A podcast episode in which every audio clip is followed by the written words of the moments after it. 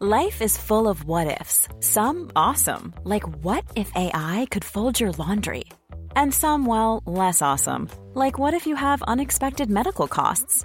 United Healthcare can help get you covered with Health Protector Guard fixed indemnity insurance plans. They supplement your primary plan to help you manage out of pocket costs. No deductibles, no enrollment periods, and especially no more what ifs. Visit uh1.com to find the Health Protector Guard plan for you.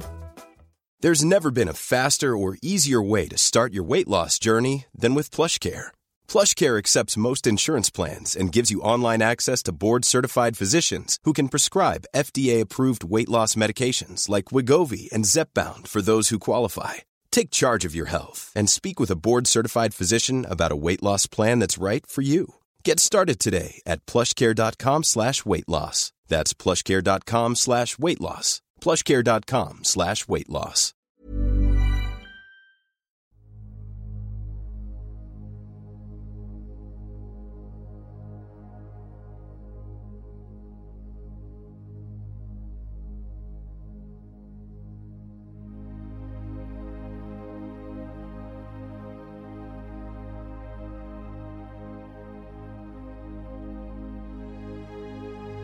Ljus eller mörker gäller människor i den fysiska dimensionen och varelser i alla andra dimensioner. För att kunna se vad som är vad behöver vi människor vara öppna för både ljus och mörker. Det kräver mod och ett öppet sinne. Ljuset ger oss ljus, värme, kärlek, gemenskap, tillhörighet, vänskap och en massa vackra livsupplevelser. När vi talar om mörkret i podden så är det när vi människor upplever förvirring, kaos, hot, angrepp, manipulation, splittring som bidrar till att man känner sig ensam, isolerad och rädd. Att vara i sin egen kraft är att våga se verkligheten för vad den är och där göra medvetna val. Du kan bara kontrollera din värld, dina känslor, din livsupplevelse och det är att vara i sin egen kraft. Varmt välkommen till podden Kosmiska samtal.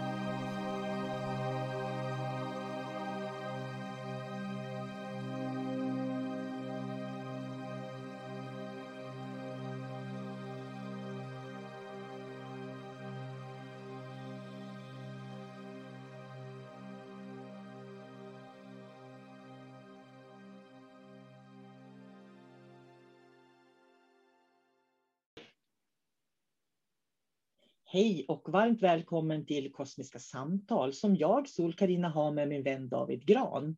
Så jag säger hej David. Hej sol karina Uh, idag så tänkte jag att vi skulle prata om ett ämne som är lite spännande. Uh, som handlar om att blir vi starka av att utsätta oss för prövningar? Tror du det? Definitivt. Svar ja. Ja, utveckla då. Men utsätts man inte för några prövningar utan att man alltid är i sin lilla trygghetszon, hur ska man då kunna utforska omvärlden? Hur ska man då kunna få eh, nya erfarenheter, preferenser på saker och ting? Hur ska man då kunna uppleva och veta vad smärta är till exempel, eller sorg eller glädje? Utan prövningar så lever man bara i ett statiskt tillstånd. Mm. Det är intressant tycker jag, för jag tänker så här också att eh, någonstans så måste vi ju lära oss att våga hantera prövningar, tänker jag. Och då blir ju fostran lite viktig. Jag tänker att man gör som man, jag gör som mamma gjorde, jag gör som pappa gjorde. Du vet. Jag gör som kompisarna gjorde, jag gör som skolan gjorde, jag gör som samhället gjorde. Och då pratar vi om präglingar då? Ja, det kanske hör ihop till och med. För jag tänkte ju, en del, alla människor, eller de flesta, de vill ju sina barn väl. Då. Men det är väldigt många som har svårt att tänka att mina föräldrar har fostrat mig fel, nu ska jag tänka om och, göra rätt, för nu ska jag fostra rätt. Utan de flesta går per automatik och fostrar sina barn som de blev fostrade själva. Så att det kräver ju medvetenhet också om att hur vill jag fostra mina barn? Och inte bara gå på autopilot, för då kommer man per automatik att förmedla vidare det man själv har fostrats i.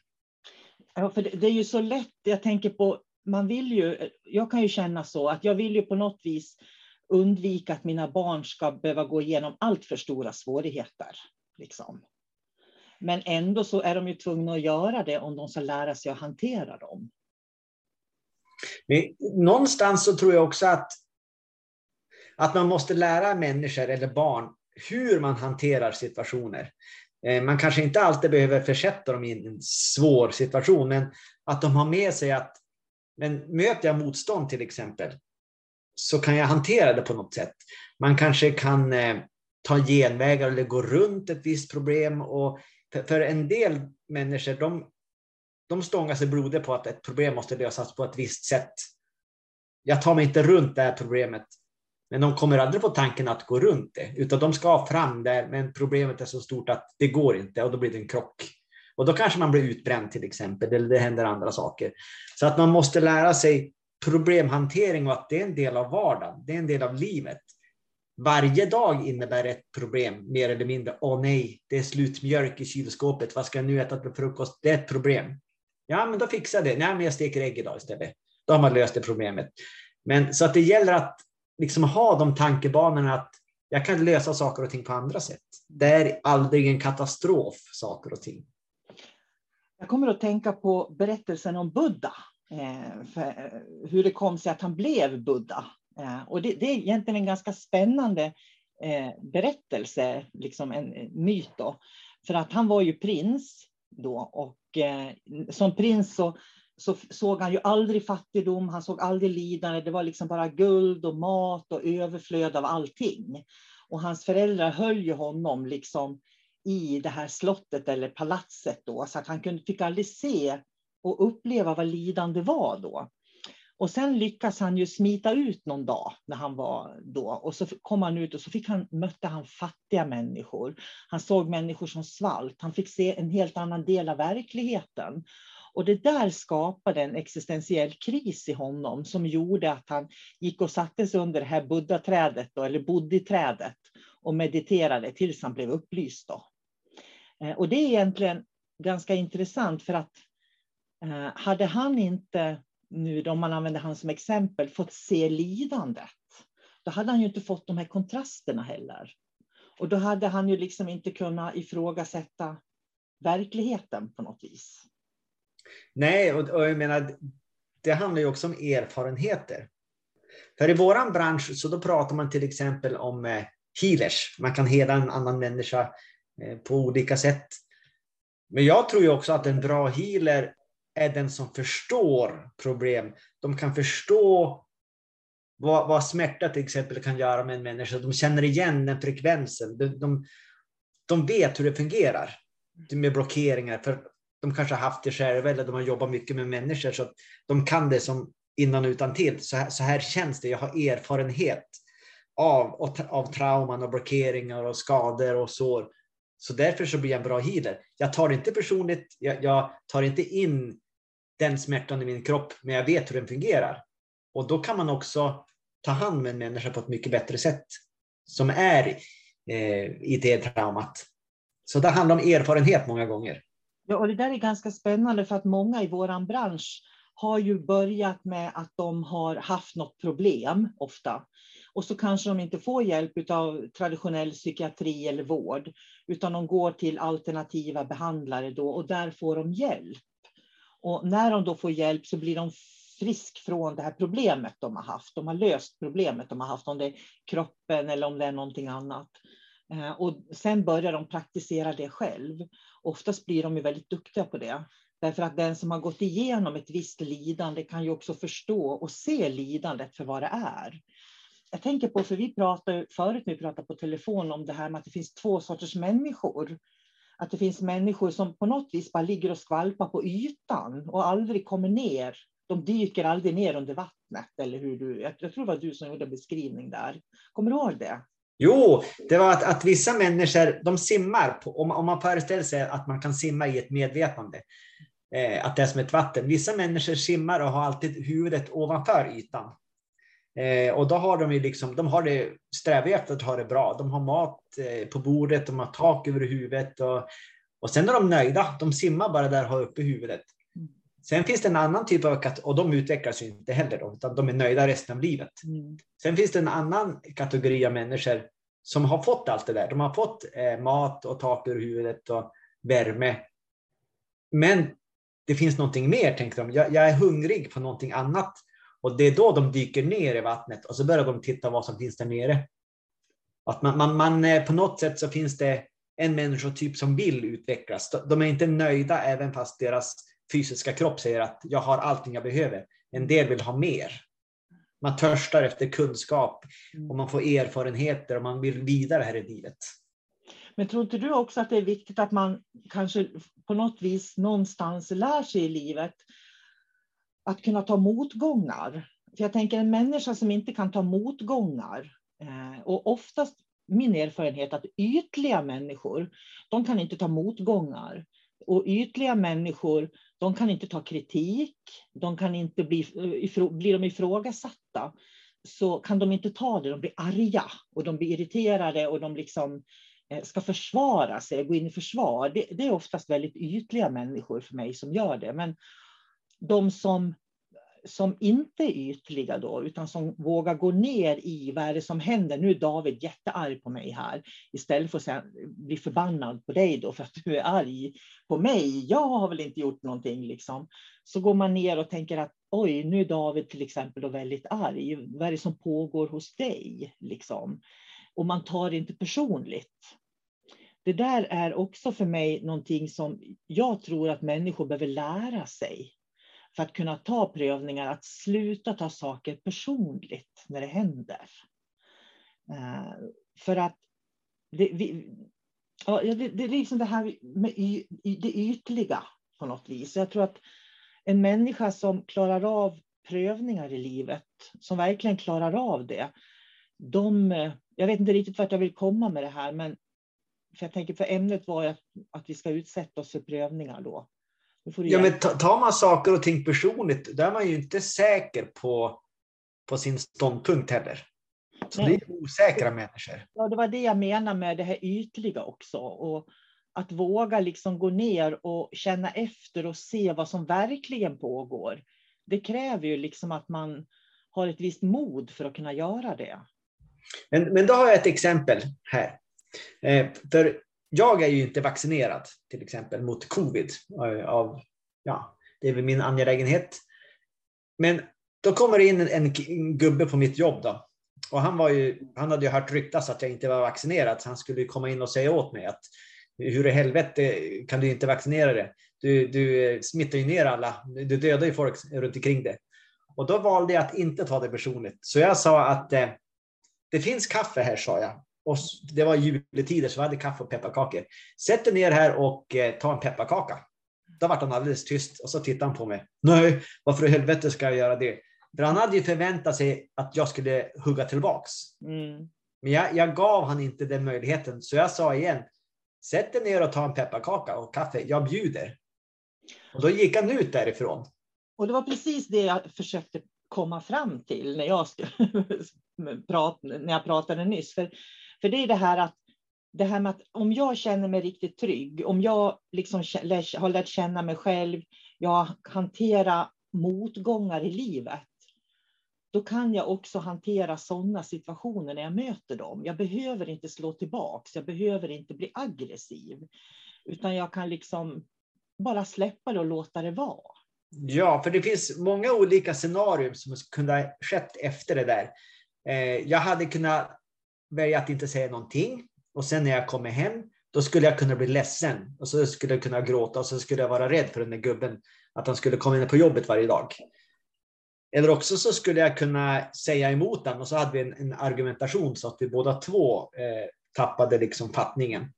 Men i och med att jag, jag accepterade vad han sa mm. och jag tar ingenting personligt, för jag vet att det där är hans åsikt, jag har en egen åsikt. Om han sätter sig ner och respektera mig, då kan vi prata om saken. Men han gjorde inte det. Han valde att gå därifrån. Han ville inte sitta och dricka kaffe med mig och att han ville inte ha några frågor tillbaks. Jaha, varför har du vaccinerat dig? Och, och liksom bena ut hans mm. anledningar. Utan, för han ville inte det. Han ville bara sätta dit mig, men jag gav han inte det nöjet och då gick han därifrån.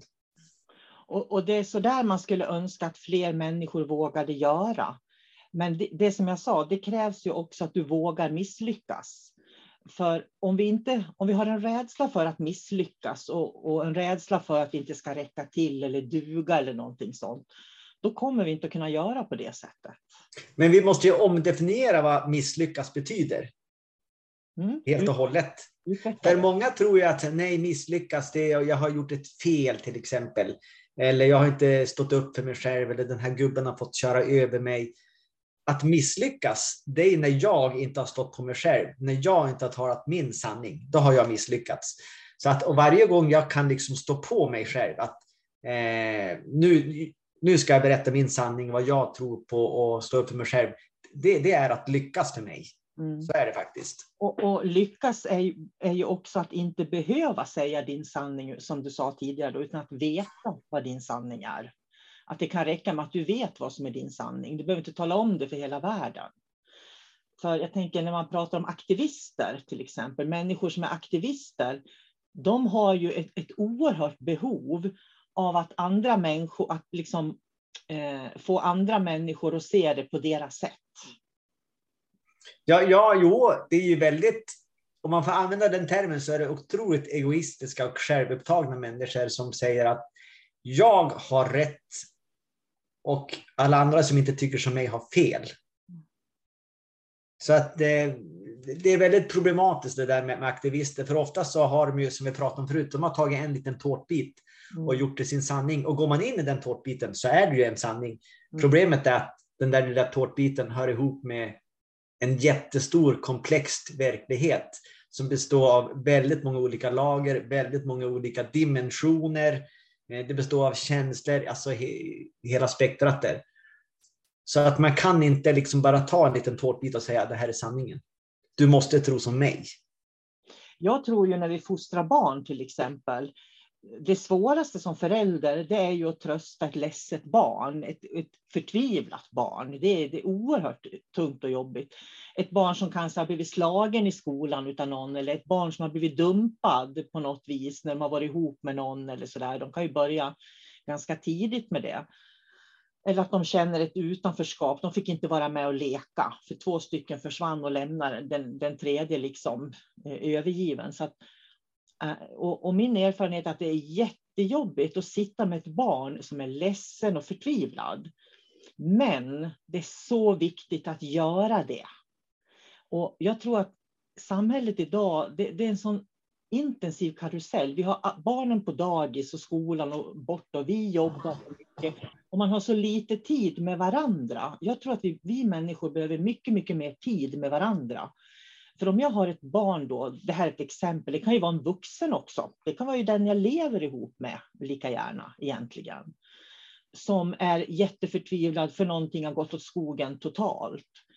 Så tror jag att det är så otroligt viktigt att ta sig tid att sitta där och låta dem få genomleva det jobbiga, om man säger så. Ja, och inte ta över heller. Precis. Utan man kan sitta tyst. Att till exempel om det är någon som är ledsen, att de bara lyssnar, man kokar kaffe, ställer fram en kopp, tar fram några bullar. Man säger ingenting, de får prata. Ja, och man behöver, försöker liksom inte prata bort det eller trösta dem. Jag tänker på såna otroligt idiotiska saker som eh, om någon gör slut med, med din, om din, någon gör slut med din tonåring.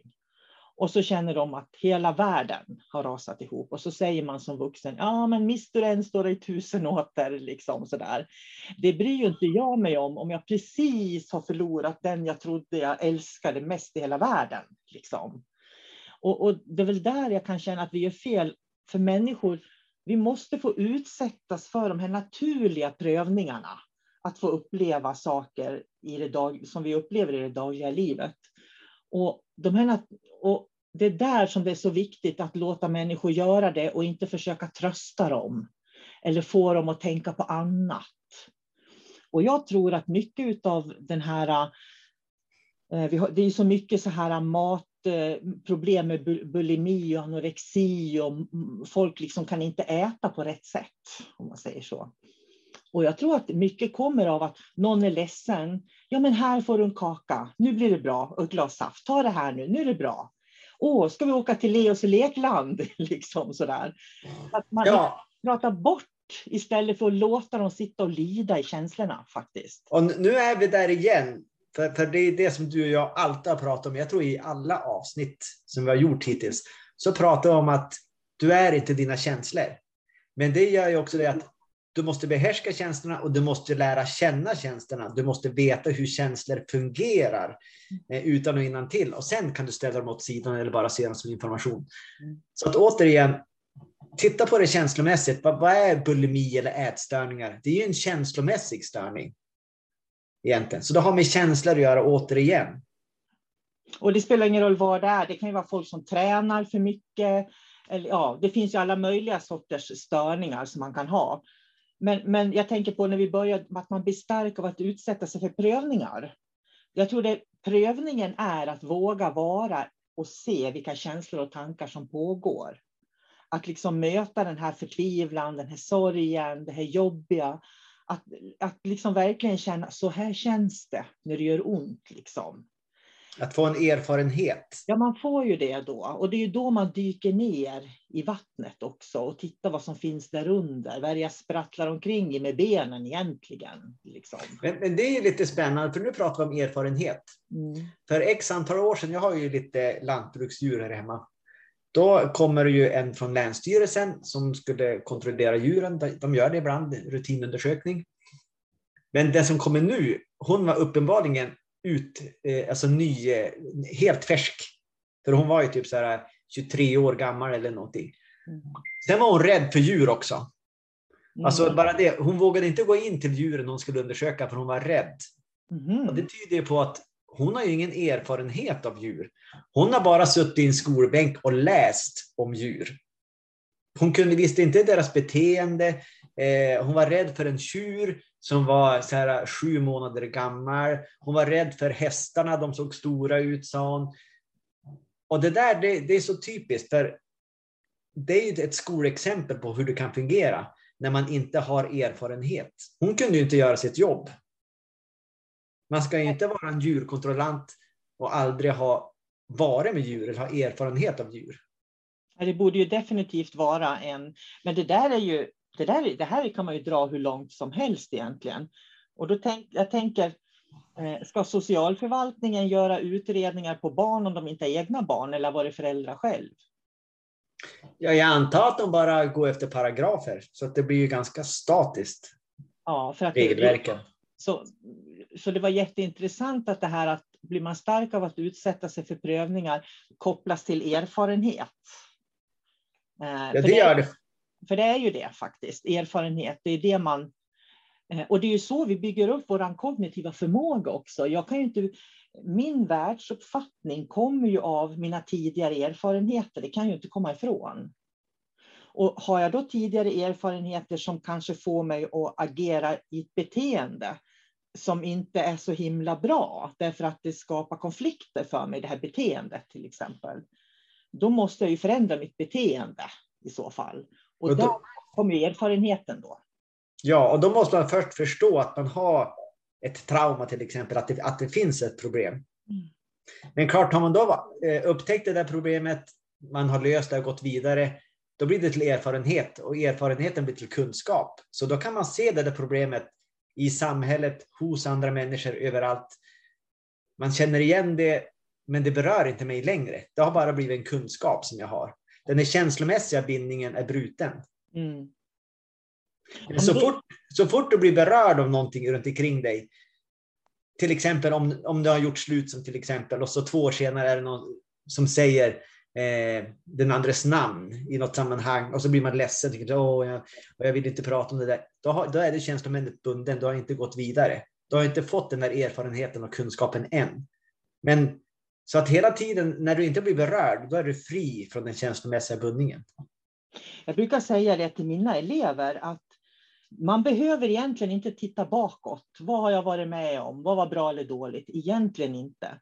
Utan det bästa är att man går framåt i livet. Jag har mål, jag vet vad jag vill. Och sen när det uppstår problem, då löser jag dem.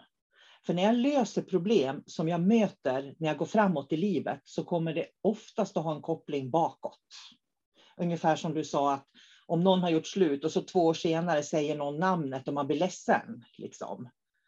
Ja, då måste man ju hantera det. Så då får man hantera det då. Ja, när det dyker upp igen. När det dyker upp igen, ja. Istället för att man sitter och ah, jag undrar om jag kommer över den där personen än. Liksom. Nej, prat, pratar om den personen så då har du inte kommit, kommit över den. Nej, det har man ju heller inte i och för sig. Så det har du ju rätt i. Ja, det är spännande. Men du, vi ska ta runda av den här podden. Eh, vi kunde konstatera att man blir stark av att utsätta sig för prövningar. Men mm. att prövningarna handlar inte att man kanske ska jaga det värsta, utan att våga vara i känslor och tankar och upplevelser och liksom låta det verka ut till man ser vad man har lärt sig av den här situationen jag mötte som var jobbig då. Skulle man kunna säga så om vi sammanfattar lite?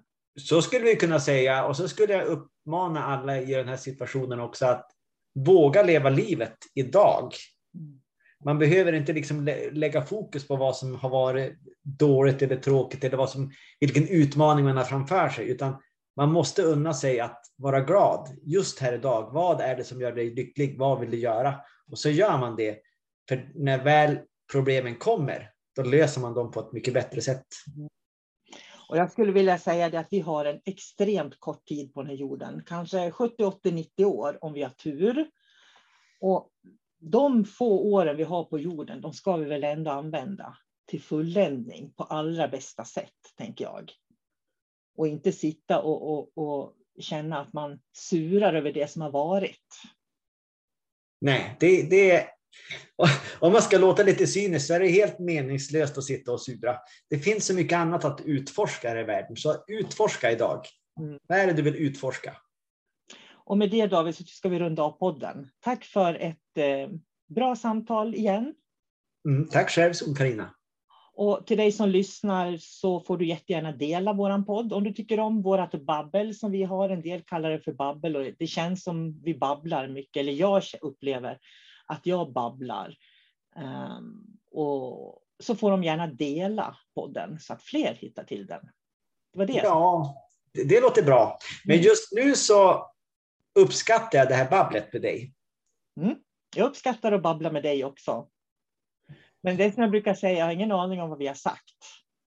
Nej, men det är, någon, annan får lyssna på det här sen och de kanske kan eh, hitta någonting i babblet som mm. resonerar just i dem. Ja, för det är det det handlar om, att när vi babblar så vänder och vrider vi på saker och förhoppningsvis så när man lyssnar så börjar man vända och vrida. Hur tycker jag och hur ser jag på det här? Och sen eh, växer man som människa. Ja, det tar ju aldrig slut det här eh, farvälet. Men jag ska säga en sak till. Mm. Jag fick ju ett mejl för x antal eh, veckor sedan. Och det var en, en man som skrev till mig att när han lyssnade på oss första gången så vart han arg och förbannad och irriterad. Det kändes som en riktig käftsmäll, skrev han. Och han ville inte alls veta av det som vi pratade om. Men av någon anledning så fortsatte han att lyssna. Och sen så började han uppskatta det som vi pratade om. För han fick liksom en annan syn eller tillgång till mer information. Eh, så att han blev tacksam för det vi har sagt faktiskt. Babblet kom till nytta för åtminstone en person. För en person, precis. Ja. Tack för idag David. Tack själv. Och tack ni som lyssnar. Ha det så bra. Ja, hej då. Hej då.